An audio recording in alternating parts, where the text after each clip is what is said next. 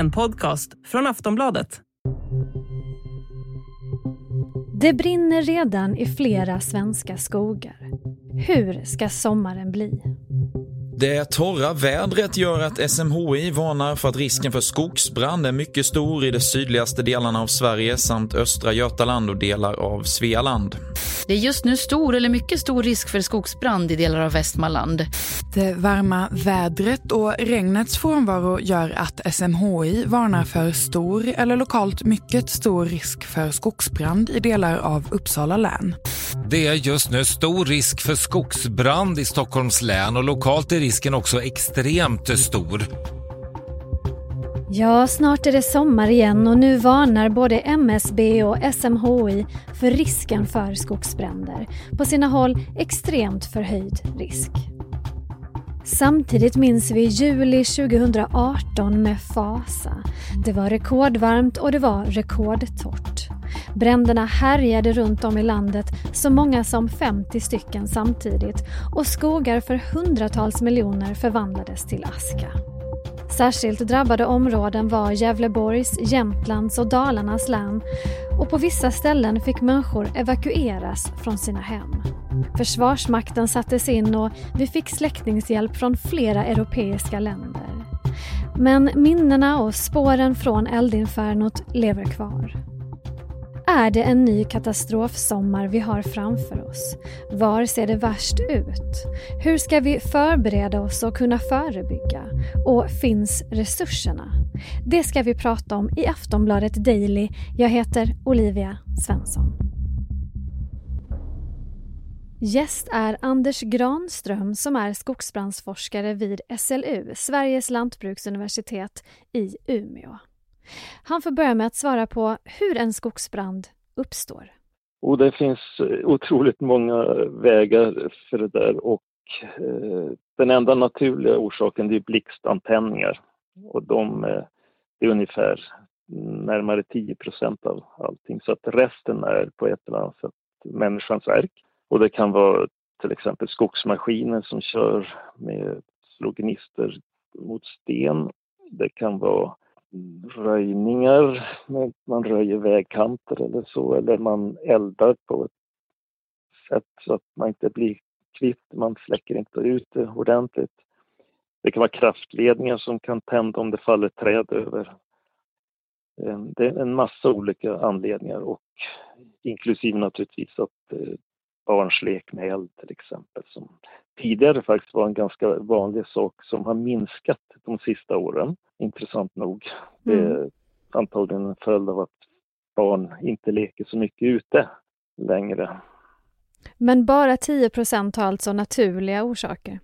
Det är det av alla skogsbränder. Sen om man tittar på de lite värre skogsbränderna då ökar den andelen upp mot 15-20 procent.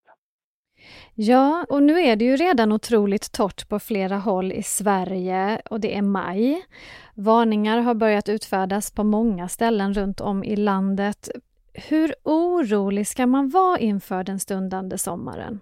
Jag tycker inte man ska vara orolig men förberedd och eh, tänka igenom vad som kan hända och vad man ska vara försiktig med. Det vill säga allting som kan generera gnister och så i, i terrängen och att elda på ett förnuftigt sätt och så. Men eh, orolig tycker jag inte man ska vara.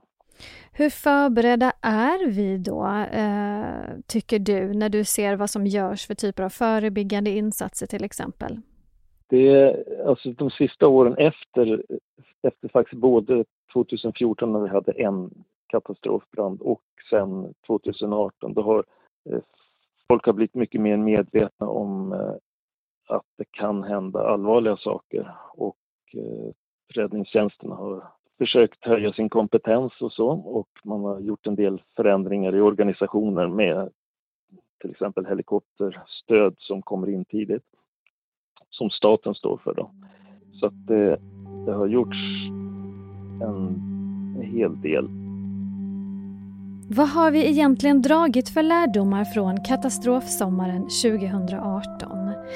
Det får Anders Granström berätta när vi kommer tillbaka efter den här korta pausen. Ryan Reynolds här från Mint Mobile.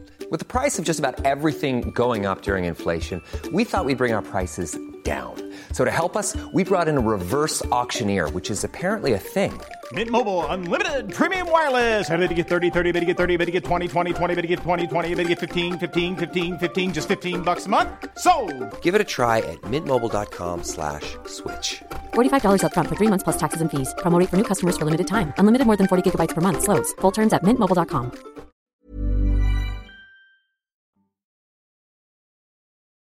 Vad tycker du framförallt vi har dragit för lärdomar från den här katastrofsommaren 2018 om vi talar specifikt om den?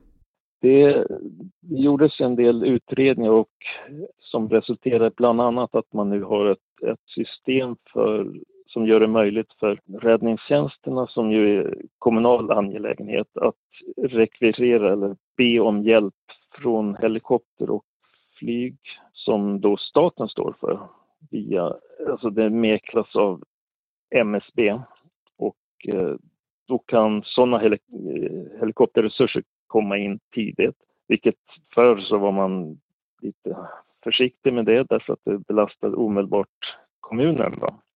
Och nu gör det inte det så att man eh, ett starkare stöd från helikopter och det en viktig förändring. Sen har man ökat kompetensen på många håll i räddningstjänsterna och eh, man har blivit mera varse att det kan hända allvarliga saker.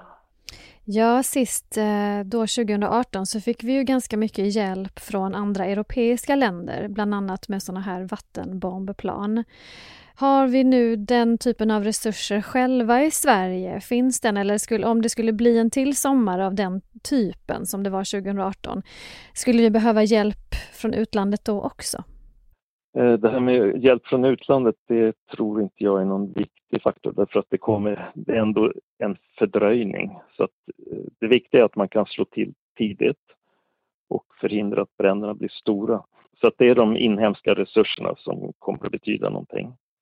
Eh, där har, som sagt, det finns ungefär tio helikoptrar som kan stå standby eh, och lokaliseras till områden som är där det är hög brandrisk och om det behövs så kan de komma in på kort varsel. Och sen även fyra små eh, vattenbombande plan. Men det är nog helikoptrarna som är allra viktigast där. Och var i landet är då riskerna för stora och allvarliga skogsbränder som störst? Ja, alltså vädermässigt om man tänker på antal riskdagar och så, då är sydöstra Sverige eh, värst. Som till exempel just nu så är det är ett sådant läge. Då. Och det har att göra med liksom var vädersystemen eh, kommer in över landet och så. Men eh, risken för allvarliga bränder, om man tittar historiskt nu de sista 20 åren ungefär, då är det i glesbefolkade områden, mellan Norrland och uppåt kan man säga. Det är där de riktigt stora bränderna har varit och det är där man har det glest med folk och då eh, blir det också långt emellan brandstationer och det är en faktor. Det tar lång tid att komma in på bränderna. Handlar det också om vilken typ av skog? I, i ganska liten del. För att vi har faktiskt ungefär samma typ av vegetation genom hela landet, rått räknat. Då. Så att bränslet betyder en del men det är, det är inte den stora saken utan det behövs torka och det inträffar oftare då i sydost men efter tre så är det torrt på andra ställen och om det då är torrt över en längre tid och så händer en eh, tändning då så kan det bli allvarligt om man inte lyckas släcka ner den tidigt.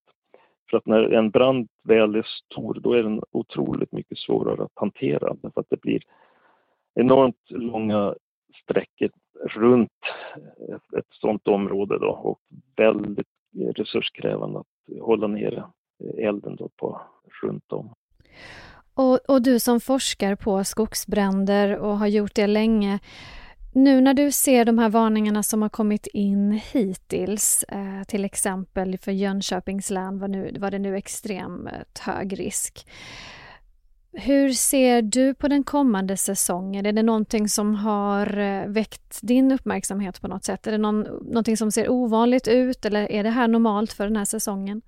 vår och försommar är den, statistiskt då, är det då man har torrast väder och har det varit en längre torrperiod och eh, normalt, normalt väder, då är det hög brandrisk. Så att det, jag, jag tror inte att det är något exceptionellt än för det här året. Och man kan säga också att det är, det är liksom nya, man drar en ny kortlek nästan varje vecka då. Och vad som nu ska ske om två veckor, det vet man väldigt lite om och det, hur det nu ser ut har liten inverkan på hur det kommer att se ut om två veckor. Men det finns naturligtvis en risk att, det, att torkan håller i sig då och då har man fortsatt hög brandrisk och farliga situationer.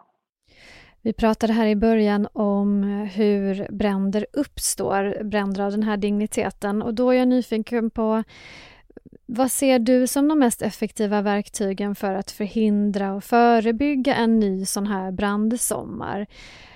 Har människor tillräcklig kunskap vad gäller brandsäkerhet till exempel? Det kan ju alltid bli bättre och som sagt, jag tror att räddningstjänsterna nu är mer på tårna än vad de var 2018 och man har liksom förbättrat organisationen vad det gäller ledning bland annat. Så att man samverkar över större områden med ledning och kan snabbt skyffla resurser hit och dit. Det viktigaste är att man gör ett snabbt tillslag när det händer någonting. Att komma snabbt till platsen och slå ner elden så effektivt man kan. Det är nummer ett. Och där kommer som sagt helikopterstödet att vara viktigt också. Men det behövs både, eh, det behövs alltid folk på marken. Så räddningstjänsten måste vara på plats. Men sen är det en annan faktor och det är eftersläckningen som eh, markägarna normalt tar. Och eh, tittar man på 2018 då var det en väldigt stor andel av den totalt brända marken som hade att göra med bristande eftersläckning och att elden vaknade till liv då. En eller två eller tre dagar senare och stack då under när det började blåsa ordentligt och eh, det var där, eh, eh, där kan man liksom peka på en tydlig sak som missades då 2018. Jag hoppas att markägarna är mer alerta nu, till exempel de stora skogsbolagen och att man har en, en bättre organisation för eftersläckning. Sen får vi ju allt varmare klimat. Eh, hur ser du på framtiden vad gäller skogsbränder? Det uppenbart att vi kommer få varmare klimat. Sen det här det som genererar hög brandrisk det är inte värmen i sig då, utan det är framförallt eh, hur nederbörden kommer och vilka eh, hur långa intervall mellan mm, nederbördstillfällen som man får, det vill säga hur långa torrperioder. Och de är svårare att bedöma i sådana här klimatmodeller. Men eh, det som eh, antyds är att liksom en förstärkning av det mönster som finns och att framförallt eh, sydöstra Sverige kanske kommer att bli än mer utsatt för torka.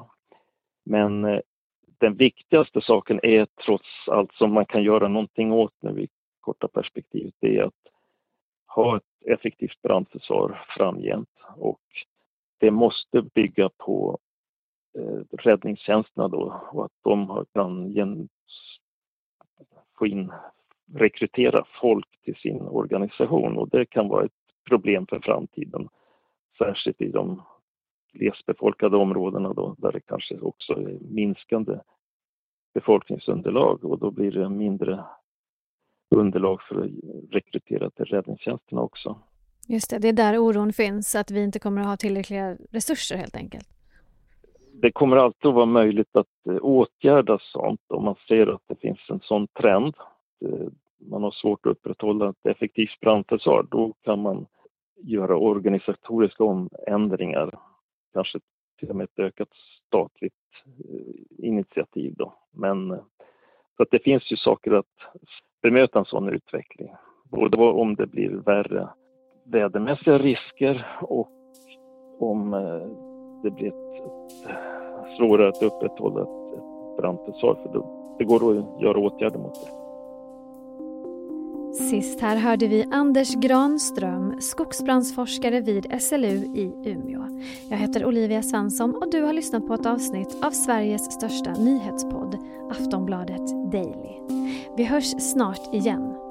Hej då!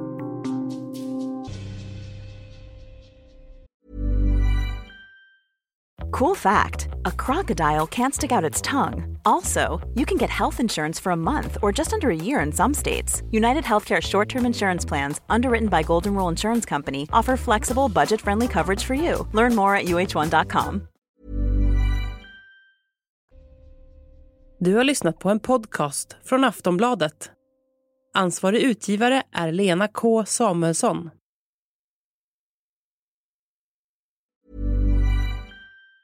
Tired of ads barging into your favorite news podcasts? Good news. Ad-free listening is available on Amazon Music for all the music plus top podcasts included with your Prime membership. Stay up to date on everything newsworthy by downloading the Amazon Music app for free or go to amazon.com slash news ad free. That's amazon.com slash news ad free to catch up on the latest episodes without the ads.